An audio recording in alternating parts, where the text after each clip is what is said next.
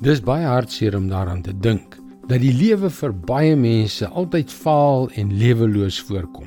Ek weet ons gaan almal maar van tyd tot tyd deur so 'n fase, maar dis nie veronderstel om permanent te wees nie.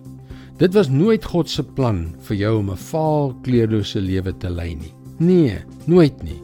Hallo, ek is Jockey Gouchee vir Bernie Diamond en welkom weer by Vars. Ek het 'n wonderlike dogter, Melissa. 'n Paar jaar gelede toe sy nog in die huis was, het ons besluit om haar slaapkamer te verf. Die mure was net 'n vuil wit kleur en dit het regtig 'n vars laag verf nodig gehad.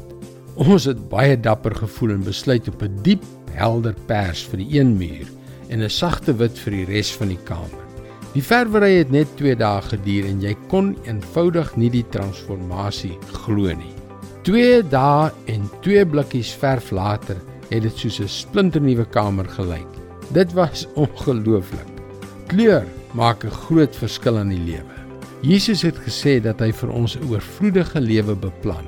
Ons lees in Johannes 10 vers 10: 'n Dief kom net steel en slag en uitroei.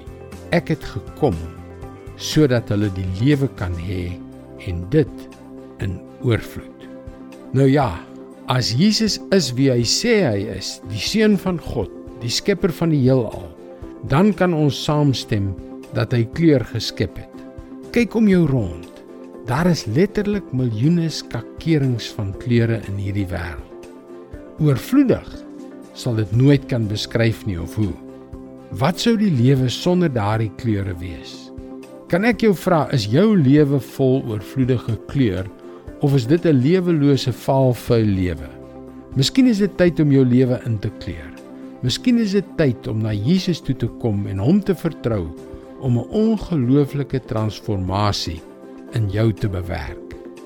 Ek het gekom sodat hulle die lewe kan hê en dit in oorvloed. Dit is God se woord vars vir jou vandag. Jy weet dit verbaas my telkens hoe Jesus ons lewens verander wanneer ons God op sy woord neem en dit ons eie maak. Juist daarom wil ek jou graag aanmoedig om ons webwerf varsvandag.co.za te besoek. Daar sal jy baie stof tot nadenke kry om jou te help op jou reis tot 'n betekenisvolle verhouding met God. Onthou om elke weeksdag op jou gunsteling radiostasie in te skakel vir 'n vars boodskap. Mooi loop tot môre.